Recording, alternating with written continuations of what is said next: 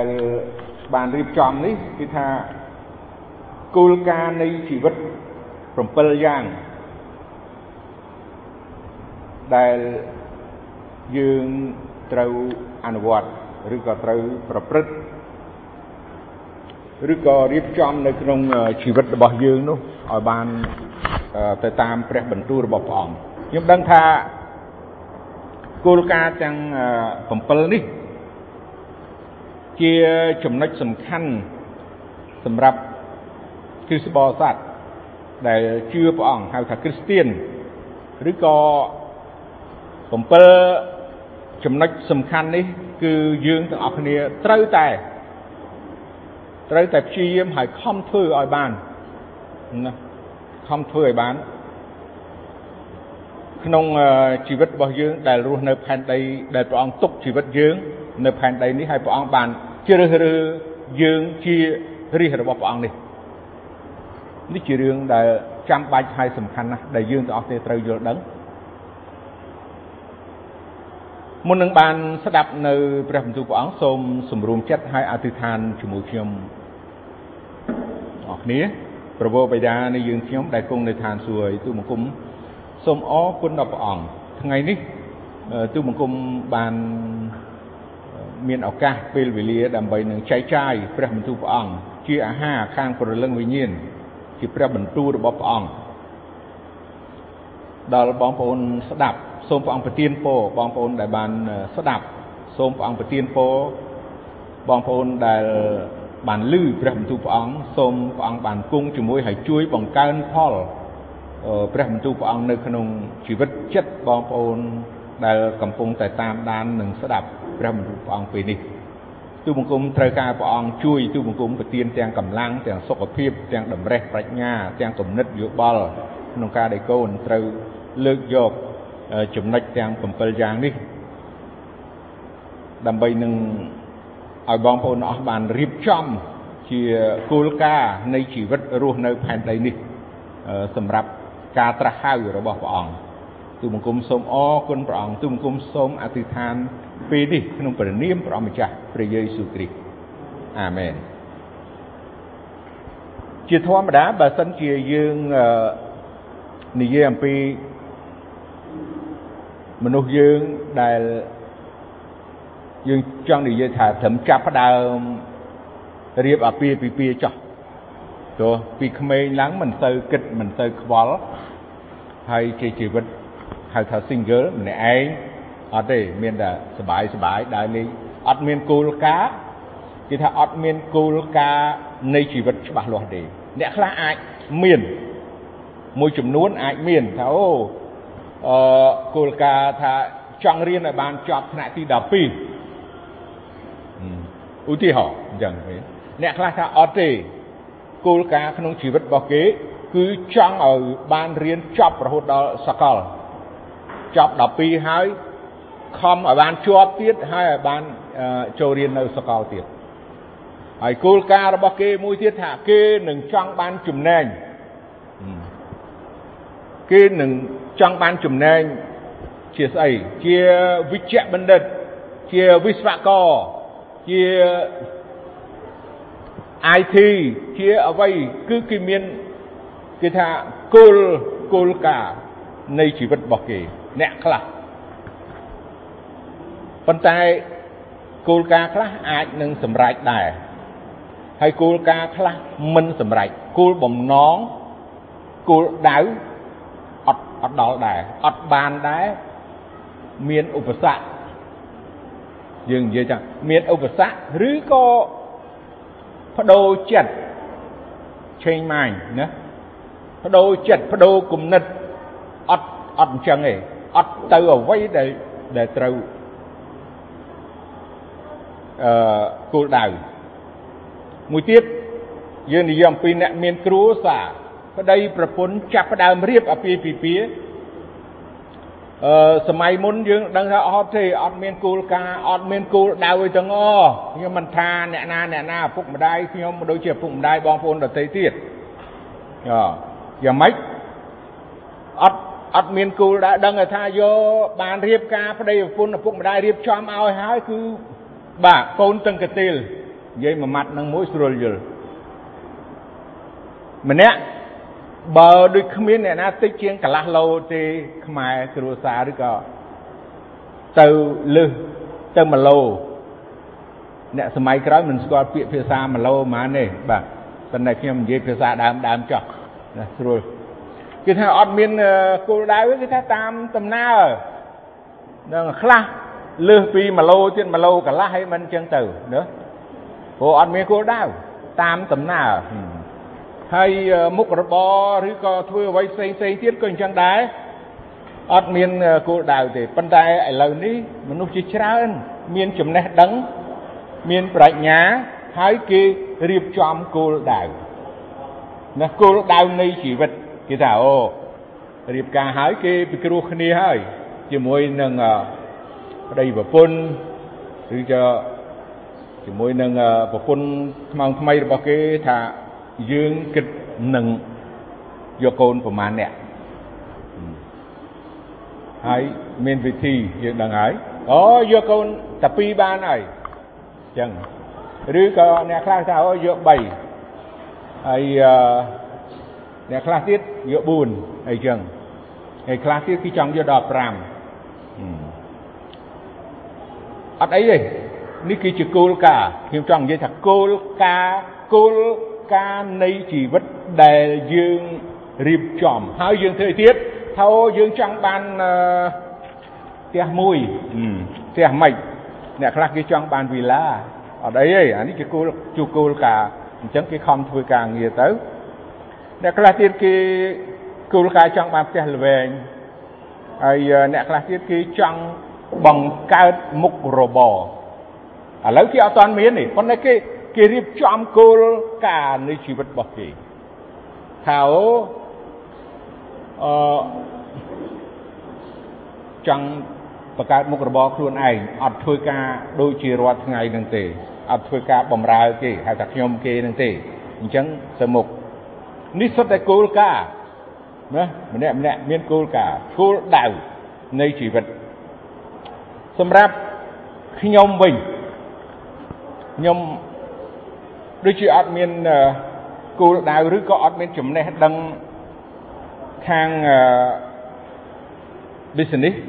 បានន័យថាជាជំនួញឬក៏មុខរបរនេះទេអឺគោលដៅខ្ញុំដែលជឿដល់ព្រះ ខុសអត់មានកម្រងអីទៀតទេពួកយើងរោងចក្រយើងបិទអស់ហើយអត់មានអត់មានត្រូវកម្រងកូនចៅអីទេបាទហើយការងារផ្នែកខាងជំនួញក៏ដែរហើយគោលដៅឬក៏ចំណាយពេលវេលាលុយកាក់ទៅរៀនចំណេះដឹងពីបញ្ហាបង្កើតអឺ ចំណែងឬក៏ពីចំណែងពីអ្នកដែលមានទ្រឹស្ដីអ្នកដែលមានអីល្អៗនោះក៏អត់ដែរកន្លងមកយើងដឹងហើយម្នាក់ម្នាក់តែងតែស្វែងរកឬក៏រៀនសូត្រតាមរយៈសេចក្តីបង្រៀនណែនាំពីគោលដៅឬក៏គោលការណ៍នៃជីវិតគេចំណាយលុយចូលទៅសិក្ខាសាលាអត់មានហ្វ្រីទេស្រុកអាមេរិកក៏ដូចជាស្រុកខ្មែរដែរ អ្នកដែលបង្រៀនល្អល្អទ្រឹស្ដីល្អល្អពីមុខជំនាញពីមុខរបរពីការបង្កើតមុខរបរក្តីសុទ្ធតែត្រូវបង់លុយឲ្យគេហើយត្រូវ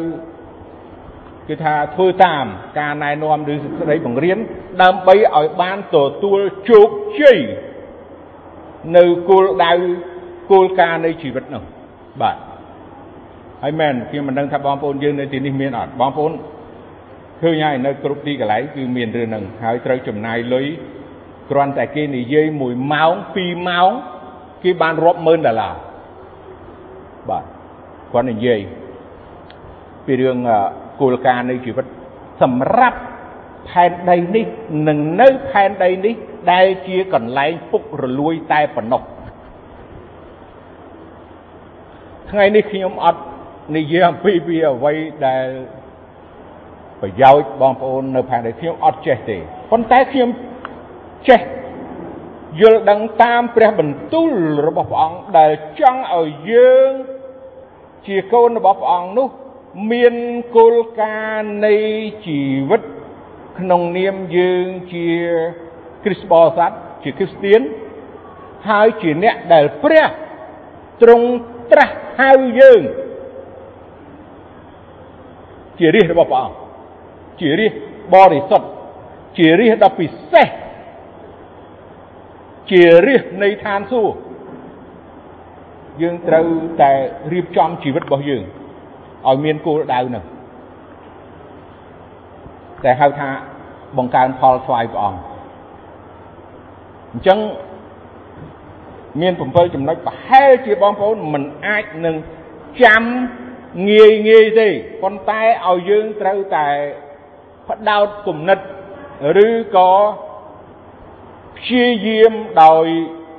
ចងចាំគ្រប់ទាំង7ចំណុចនេះ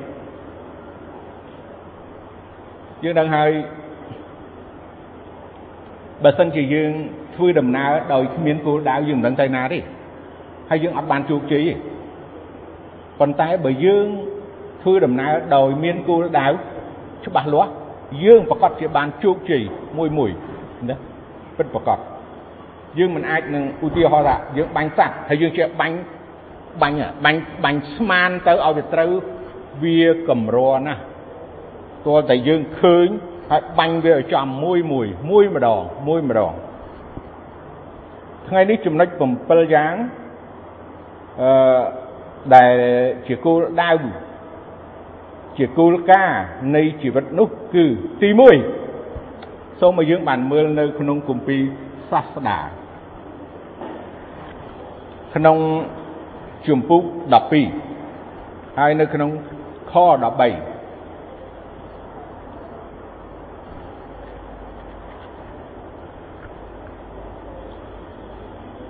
សាស្តាគម្ពីរសាស្តាជំពូក12ខ13សេចក្តីនេះចប់តែប៉ុណ្ណោះ ប៉ុណ្ណេះទាំងអស់បានសម្ដែងទុកហើយដូច្នេះចូលកោតខ្លាចដល់ព្រះហើយកាន់តាមបញ្ញត្តិទ្រង់ចុះត្បិតប៉ុណ្ណឹងឯងជាកិច្ចទាំងមូលដែលមនុស្សត្រូវធ្វើបើនិយាយមនុស្សទាំងអស់ណាមិនមិននិយាយពី សញ្ជាតិមិននិយាយអំពីពណ៌សម្បោហើយក៏អត់និយាយអំពីឋានៈបុណ្យស័ក្តិគឺមនុស្សទាំងអស់មនុស្សទាំងអស់ត្រូវត្រូវដូចម្ដេចត្រូវកោតខ្លាចព្រះហើយកាន់តាមបញ្ញត្តិរបស់ព្រះអង្គអញ្ចឹងគ្រប់ ពេលគ្រប់វេលា យើងត្រូវតែប្រកាន់ខ្ជាប់ប្រកាន់ខ្ជាប់គោលគោលការណ៍នៃជីវិតមួយនេះ វាចាំបាច់វាសំខាន់ដែលមនុស្សទាំងអស់ណាត្រូវទទួលយកហើយត្រូវធ្វើទោះបើ នៅក្នុងកលៈទេសៈណាក៏ដោយការដែលស្ដេចសាឡមូនបានសរសេរណាព្រះបន្ទូលព្រះអង្គនៅក្នុងគម្ពីរសាស្តានេះយើងដឹងហើយគាត់ជាមនុស្សដែលមានទ្រព្យសម្បត្តិមានប្រាជ្ញា យើងគិតថាបើមនុស្សសម័យនោះគឺគាត់គឺជាមនុស្សលេខ1ហើយណាយើងរាប់ថាជាមនុស្សលេខ1ដែលមានអ្វីអ្វីទាំងអស់សម្បូរហូរហៀទាំងសម្ភារៈរបស់របរប្រើប្រាស់ប្រាជ្ញាហើយនឹង គឺថាចំណេះដឹងគ្រប់បែបយ៉ាងប៉ុន្តែសួរថាគាត់បានលើកឡើងថាចុះអ្វីទៀតអ្វីទៅដែលវាសំខាន់ជាងហ្នឹងឬក៏ជាគោលដៅឬជាគោលការណ៍នៃជីវិតដែលមនុស្សទាំងអស់នោះមិនក៏គាត់មិននិយាយអំពីទ្រព្យសម្បត្តិទៅមិនក៏គាត់មិននិយាយអំពីប្រាជ្ញាទៅមិនគាត់មិននិយាយអំពី អឺប្រពន្ធច្រើនអីចឹងទៅអត់ទេគាត់ដឹងថាមែនព្រះបានប្រទានឲ្យគាត់គ្រប់បែបយ៉ាងទាំងអស់គាត់ទទួលបានគ្រប់បែបយ៉ាងហើយឃើញគ្រប់បែបយ៉ាងប៉ុន្តែរឿងដែលសំខាន់រឿងដែលពិសេសហើយគោលការណ៍នៃជីវិតរបស់មនុស្សនោះ គឺជាការដែលឲ្យកោតខ្លាចដល់ព្រះហើយកាន់តាមបញ្ញត្តិ របស់ព្រះអង្គអញ្ចឹងយើងអ្នកគ្នាចងចាំនៅគោលការណ៍នៃជីវិតរបស់យើង ម្នាក់ម្នាក់រៀងខ្លួនទោះបើពេលវេលាកលៈទេសៈណាក៏ដោយកុំឲ្យយើងបោះបង់ឬក៏កុំឲ្យយើងភ្លេចដល់ព្រះអង្គ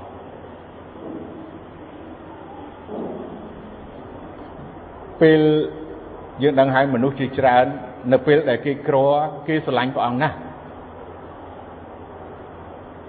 ពេលដែលខ្វះខាតពេលដែលអត់ពេលដែលឈឺពេលដែលមានបញ្ហាពេលនៅក្រស្រឡាញ់ព្រះអង្គណាស់ប៉ុន្តែនៅពេលដែលគេមានចំណេះដឹងនៅពេលដែលគេមានទ្រព្យសម្បត្តិនៅពេលដែល នៅពេលដែលគេមានបុណ្យស័ក្តិនៅពេលដែលគេមានកិត្តិយសមនុស្សរាប់អានច្រើនស្រឡាញ់ច្រើនហើយយ៉ាងម៉េចឬក៏គេធ្លាប់នៅជនបទគេស្រឡាញ់ព្រះអង្គខ្លាំងណាស់ប៉ុន្តែនៅពេលដែលគេបានចូលដល់ទីក្រុងកន្លែងដែលវាមាន ផ្ទះល្អល្អហើយនឹងអាគារខ្ពស់ខ្ពស់ហើយសម្បូរទៅដោយអ្វីអ្វីគ្រប់បែបយ៉ាងសบายនៅលោកីឬក៏គេការងារច្រើនចូលលុយច្រើនប្រាក់ខែក៏ច្រើនហើយរឿងអីកើតឡើងគេភ្លេចពីគោលការណ៍ទី1នេះគេភ្លេចកោតខ្លាចព្រះ កាលគេមិនទាន់ចូលសកលយើងនិយាយខ្លះបាទមិនមែនទាំងអស់ទេគេនៅរៀនបឋមឬក៏គេនៅរៀនអនុវិទ្យាល័យឬក៏វិទ្យាល័យគេស្រឡាញ់គេសប្បាយក្នុងការសរសើរដំកាំងឬក៏គោរពកោតខ្លាចព្រះអង្គគ្រប់ពេលគ្រប់វេលាអូអស្ចារ្យធ្វើទីបន្ទាល់ផ្សាយនឹងល្អប៉ុន្តែ គោលការណ៍ទី1របស់គេនោះត្រូវបានបញ្ចប់បានបាត់ទៅវិញបានបាត់ទៅវិញគិតទៅហើយយើងដែលឮព្រះបន្ទូលព្រះអង្គថ្ងៃនេះតើយើងនឹងបំភ្លេចយើងនឹងបាត់គោលការណ៍ទី1ក្នុងជីវិតយើងហើយចាប់គោលការណ៍ថ្មីទៀតបដូរ បដូរទំព័របដូរហៅថាគេហៅថាសក្ការៈថ្មីសម័យបច្ចេកវិទ្យាថ្មីអតិពលថ្មីហើយធ្វើឲ្យយើងបាត់បង់ក្នុងការកោតខ្លាចព្រះព្រោះអីគេអត់ដឹងថាទៅអនាគតរបស់គេនោះ បើគេមិនកោតខ្លាចព្រះតើគេកោតខ្លាចអ្វីគេកោតខ្លាចទ្រព្យសម្បត្តិកោតខ្លាចប្រពន្ធដែលមិនជឿកោតខ្លាចប្តីដែលមិនជឿកោតខ្លាចចវាយដែលបើកប្រាក់ខែគេកោតខ្លាចមេ សម័យនេះគេចូលចិត្តហៅមេឲ្យតែធំជាងបន្តិចឬក៏ស្មើគ្នាគេហៅមេហើយបាទកោតខ្លាចមេកោតខ្លាចមនុស្សអត់កោតខ្លាចព្រះអត់អត់អត់ចងចាំភ្លេចបាត់គោលការនៃជីវិតទី1នឹងបាត់នេះជារឿងពិត នេះជារឿងពិតដែលកើតឡើងអញ្ចឹងកុំឲ្យភ្លេចបងប្អូនកុំឲ្យភ្លេចខ្ញុំអរគុណព្រះដែលព្រះបន្ទូលព្រះអង្គតែងតែជួយរំលឹកដាស់តឿនយើងគ្រប់ពេលគ្រប់វេលាហើយឲ្យយើងបានកោតខ្លាចព្រះអង្គនេះជាគោលការណ៍នៃជីវិតទី1គោលការណ៍ជីវិតទី2 សូមឲ្យយើងមើលនៅម៉ាថាយចំពុក6ខ33នេះជាគោលការណ៍នៃជីវិតទី2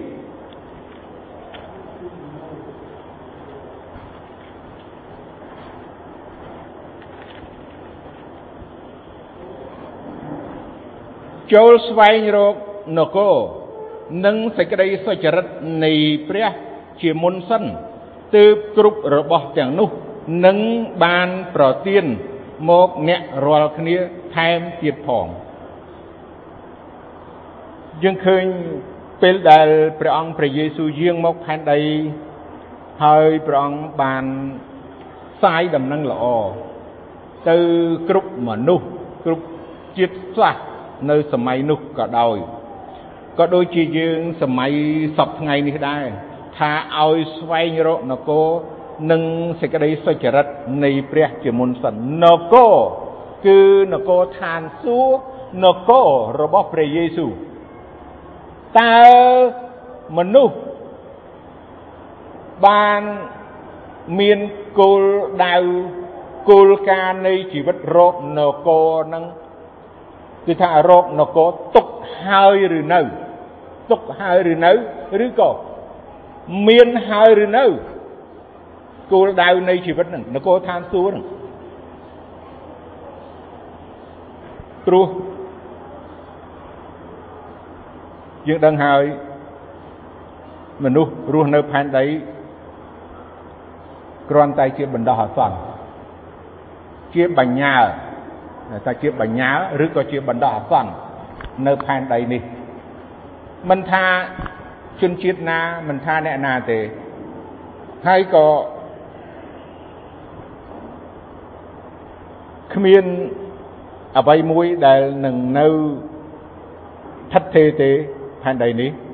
ប៉ុន្តែមានកន្លែងជាច្រើនដែលមនុស្សស្វែងរក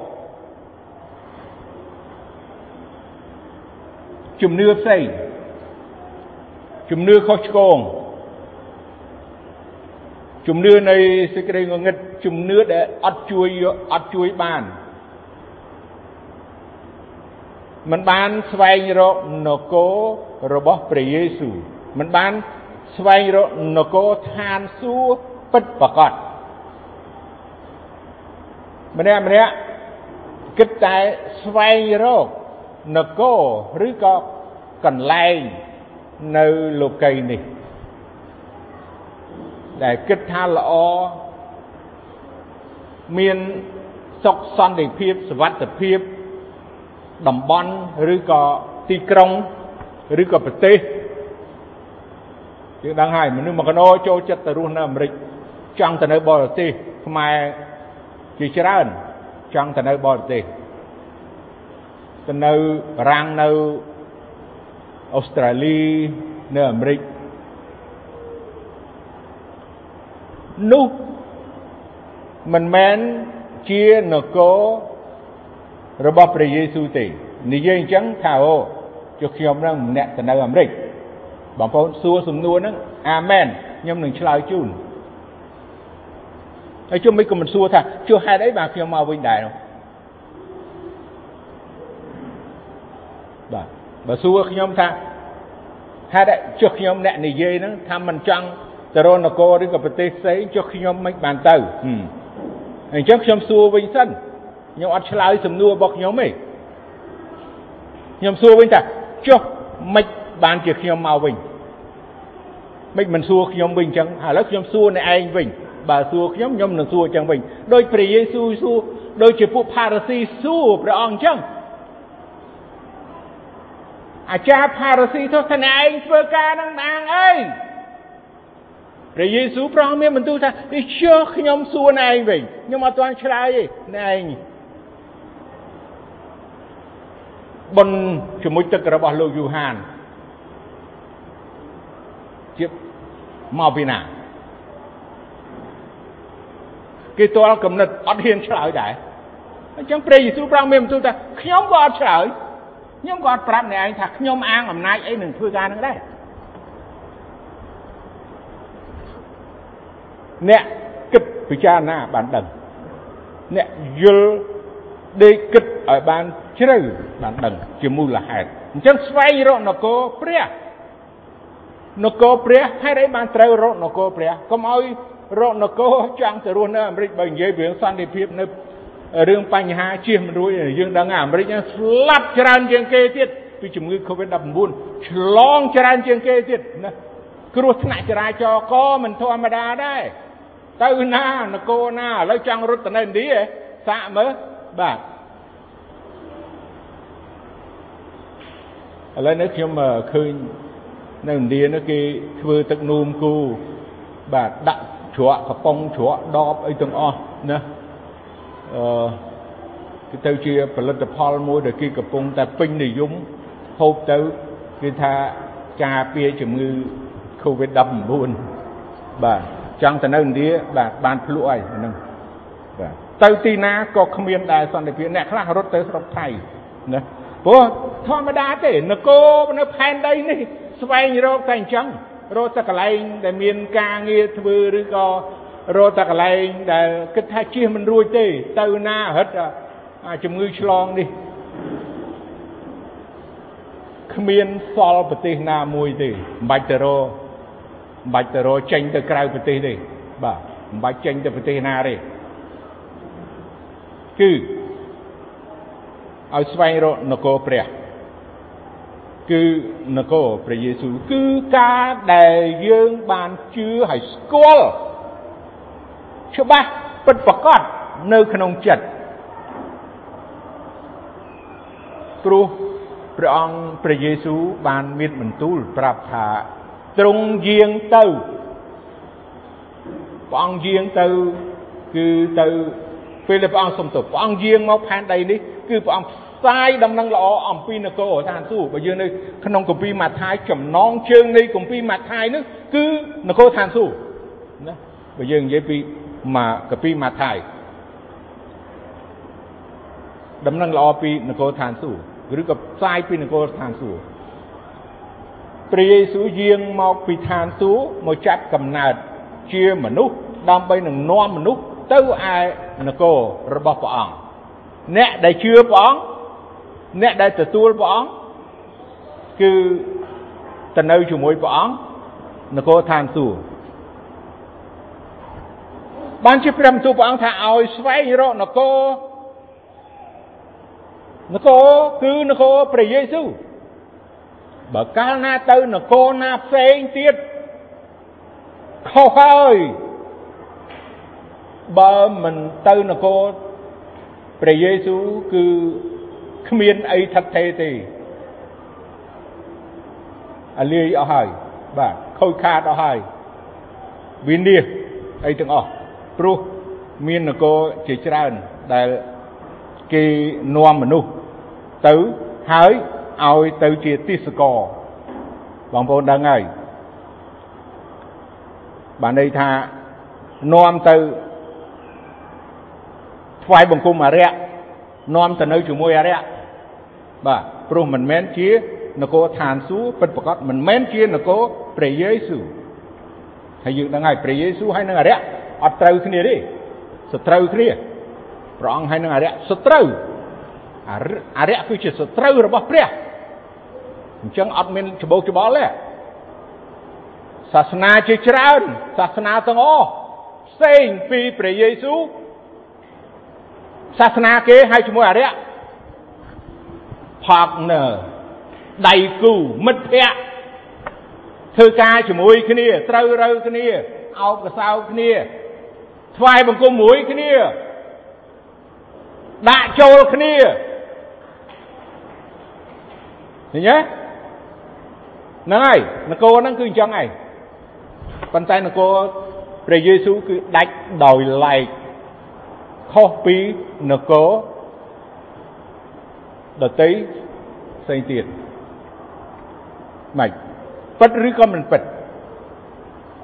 ឃើញគេដាក់ចូលគ្នាទេឃើញគេបួងសួងចូលគ្នាទេឃើញគេស្រែកហៅចូលគ្នាទេ គ្រប់មុខទាំងអស់ច្បល់គ្នាព្រះនៃសេចក្តីជំនឿនិងនគរមួយហ្នឹងប្រយ័ត្នអញ្ចឹងត្រូវស្វែងរកនគរព្រះស្វែងរកនគរឋានសួគ៌ស្វែងរកនគររបស់ព្រះយេស៊ូវជាមុនសិនជាមុនសិនគោលការណ៍គោលដៅនៃជីវិតរបស់មនុស្សត្រូវតែស្វែងរកនគរឋានសួគ៌ដ៏ពិតត្រូវតែស្វែងរកនគររបស់ព្រះយេស៊ូវ បើមិនដឹងមកព្រះវិហារនេះបើមិនដឹងបើកគម្ពីរបើមិនដឹងសូមស្ដាប់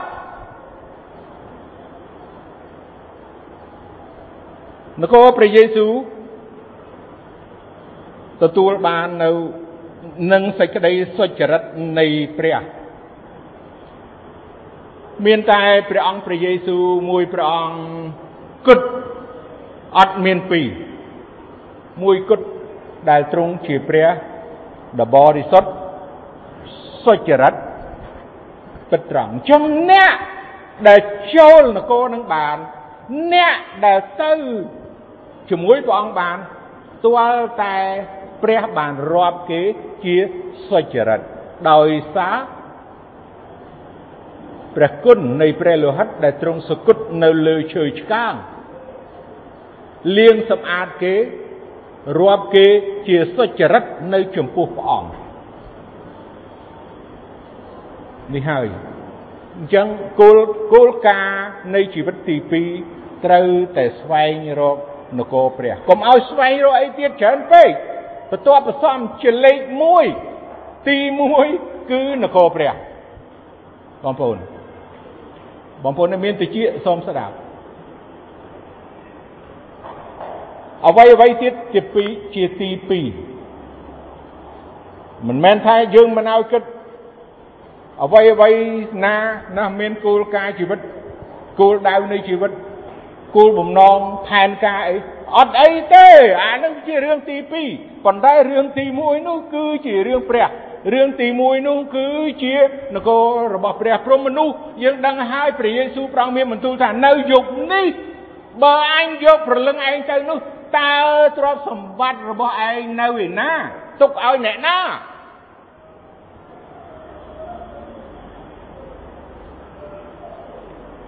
នេះបានជាព្រះអង្គមានបន្ទូលថាឲ្យស្វែងរកនគរព្រះសិនបើព្រះអង្គយកទៅយប់ហ្នឹងអាមែនយើងដឹងថាយើងទៅណាហើយគឺយើងទៅនគររបស់ព្រះហើយ បើយើងមិនរកមិនស្វែងរកនគរព្រះជាមុនយើងដឹងហើយសពថ្ងៃនេះជំងឺ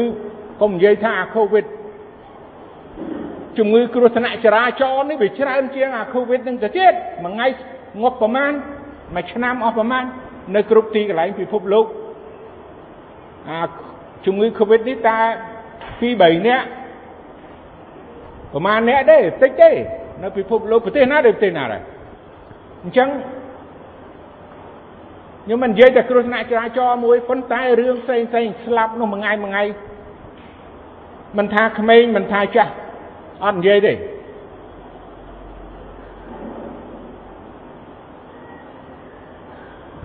អ្នកខ្លះឈឺទៅហើយមនុស្សច្រើនភាគច្រើនគៀងបេះដូងដែរអញ្ចឹងគៀងបេះដូងវាអត់ឲ្យតំណែងមុននេះ ទៅវាគាំងចប់ហ្នឹងអញ្ចឹងចង់និយាយថាឲ្យស្វែងរកនគរព្រះសិនចាំគិតគូរពីរឿងទ្រព្យសម្បត្តិឬក៏របស់របរថែមទៀតអានឹងក្រោយបន្តបន្តអញ្ចឹងកុំឲ្យយើងគិតតែស្វែងរកតែអាហារដែលតែងតែពុករលួយនោះឡើយតែចូលឲ្យយើងបានស្វែងរកអាហារដែលនៅថិតថេរអស់កលជានិច្ចវិញ នេះជាបន្ទូលរបស់ព្រះអង្គឲ្យយើងគិតរឿងហ្នឹងឲ្យយើងមានគោលការណ៍នៃជីវិតរបស់យើង ក្នុងនាមយើងជាអ្នកជឿព្រះចំណុចទី3យូហានជំពូក4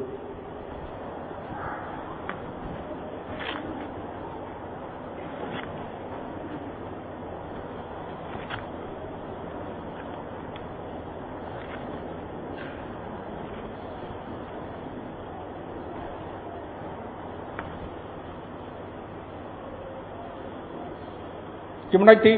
3យូហានជំពូក4ខ34នោះគឺគោលការណ៍នៃជីវិតដែលយើងត្រូវធ្វើតាមព្រះហត្ថីព្រះវរបិតាខ34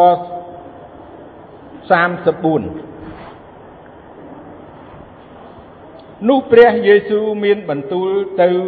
គេថាឯអាហារ ខ្ញុំគឺត្រង់ដែលខ្ញុំ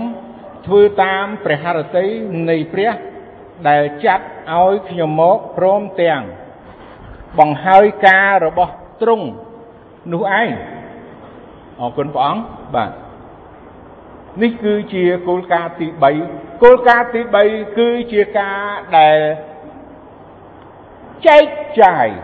គោលការណ៍ទី3គឺជាការដែលផ្សព្វផ្សាយ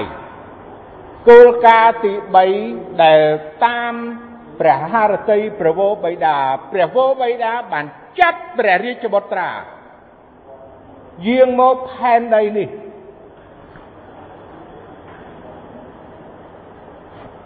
នាំដំណឹងពីបន្ទាល់ពីព្រះវរបិតាដល់មនុស្ស យើងឃើញថាព្រះអង្គព្រះយេស៊ូវបានធ្វើតាមព្រះហត្ថីប្រវោបិតាសេចក្តីស្រឡាញ់ដែលទ្រង់មានចំពោះខ្មាំងសត្រូវអញ្ចឹងបានជាព្រះអង្គមានបន្ទូលថាឲ្យស្រឡាញ់ខ្មាំងសត្រូវយល់ហ្នឹងហើយព្រោះទ្រង់មានបន្ទូលនៅក្នុងចំពុក4ខ34នេះ គឺព្រះអង្គព្រះយេស៊ូវកំពុងតែទ្រង់បានមានបន្ទូលផ្សាយដំណឹងល្អនិងប្រាប់ពីស្ត្រីសាសសាមារីម្នាក់នៅនៅទឹកហើយយើងដឹងហើយស្ត្រីសាសសាមារីសាមារីគឺជាសាសយូដាឬអើងមិនចូលចិត្តឬក៏ជាសត្រូវរបស់ សាសយូដាមិននិយាយរកគ្នាវ៉ាវមិនធម្មតាទេប៉ុន្តែព្រះយេស៊ូវទ្រង់ធ្វើតាមបង្គាប់ឬកបហតីប្រវោបិតាដោយមិនរើសអើងដោយមិនប្រកាន់ដោយមិនគិតពីរឿងខ្មាំងសត្រូវទេនេះគឺជាគោលដៅនេះគឺជាគោលការណ៍នៃជីវិតមួយដ៏សំខាន់មែនទែន តើយើងដែលគិតថាក្នុងជីវិតរបស់យើងយើងបានរៀបចំថាជាម្នាក់ដែលយើងត្រូវតែនិយាយប្រាប់ពីព្រះដ៏ពិតពីព្រះយេស៊ូវជាព្រះអង្គម្ចាស់និងជាព្រះអង្គសង្គ្រោះឬក៏យើងនៅតែអត់មានផែនការគម្រោងការហ្នឹងហើយយើងនៅតែថាផ្ដាច់តំណែងតំណងឬក៏ មិនចង់ឲ្យមិនចង់ផ្សាយព្រោះអ្នកនឹងយ៉ាងនេះយ៉ាងនោះគាត់នឹងចេះចុះណាយ៉ាងម៉េចនោះមិនមែនជា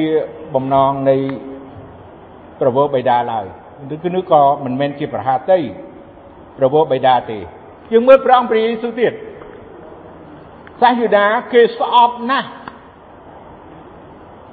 មនុស្សមានបាប អ្នកយកពុនឬក៏ស្ត្រីបេសយាចារឬក៏មនុស្សដែល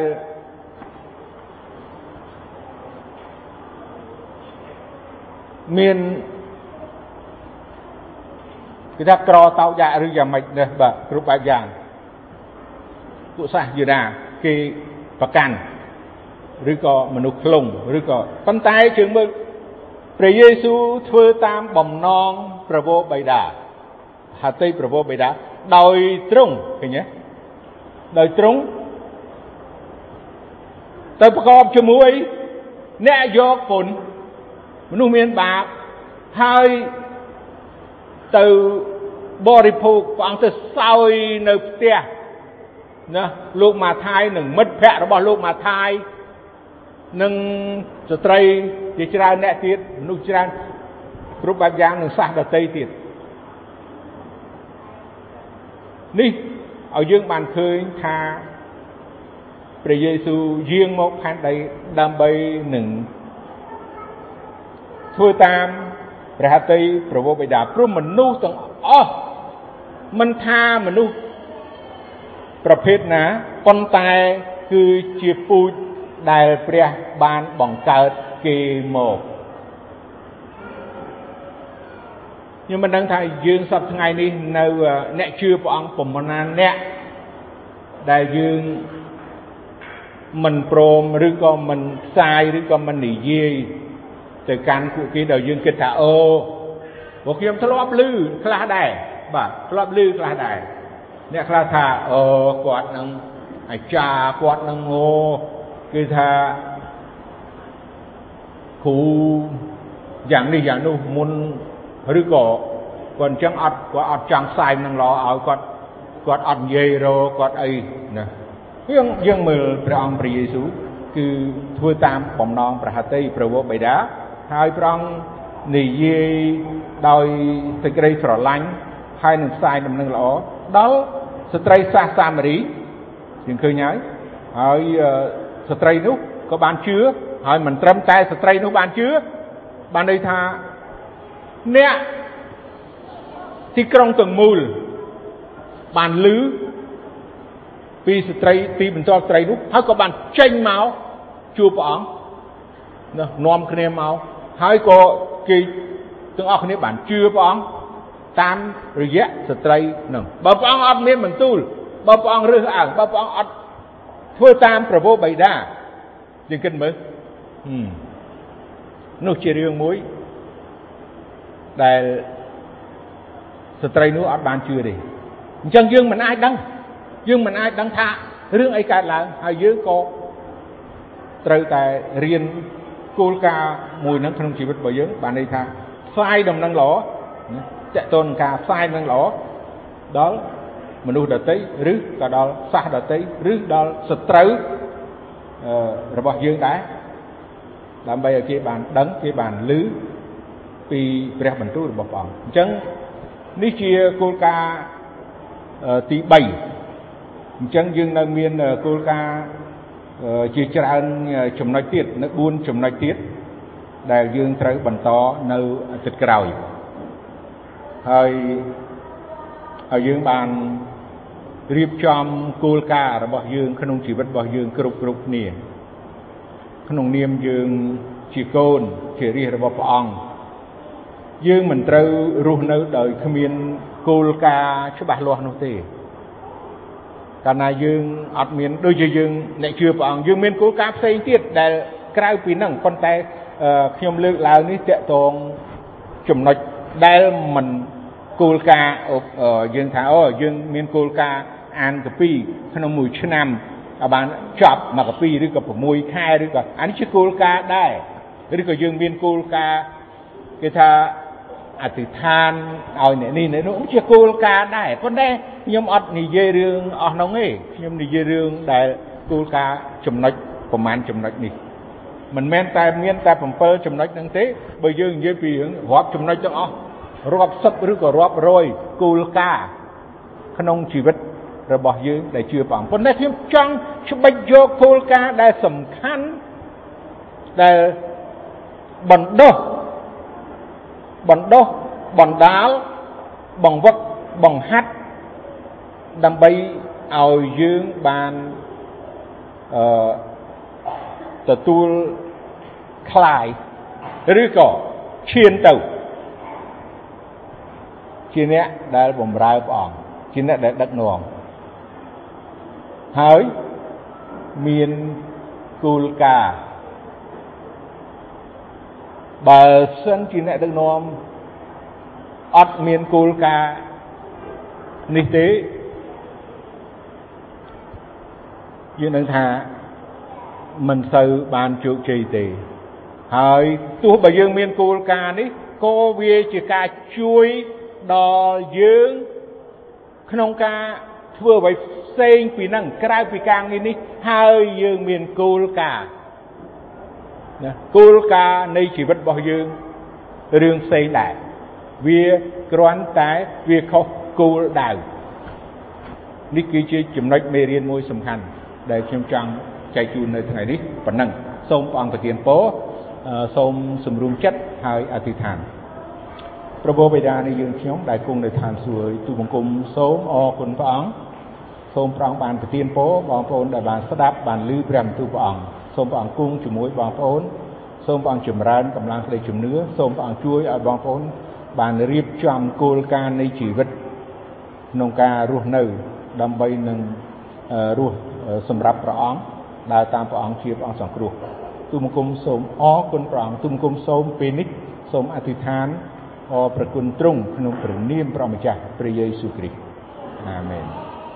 កុំភ្លេចបងប្អូនរងចាំបន្តនៅគោលការណ៍នៃជីវិតទី4ទី5ទី6និងទី7ទី4គឺបង្ហើយការរបស់ព្រះ ទី5នោះគឺបង្ហើយការរត់ប្រណាំងហើយទី6នោះគឺត្រឡប់ដូចជាព្រះអង្គព្រះគ្រីស្ទ ហើយទី7នោះគឺសម្រាប់សេរីល្អនៃព្រះអាមែន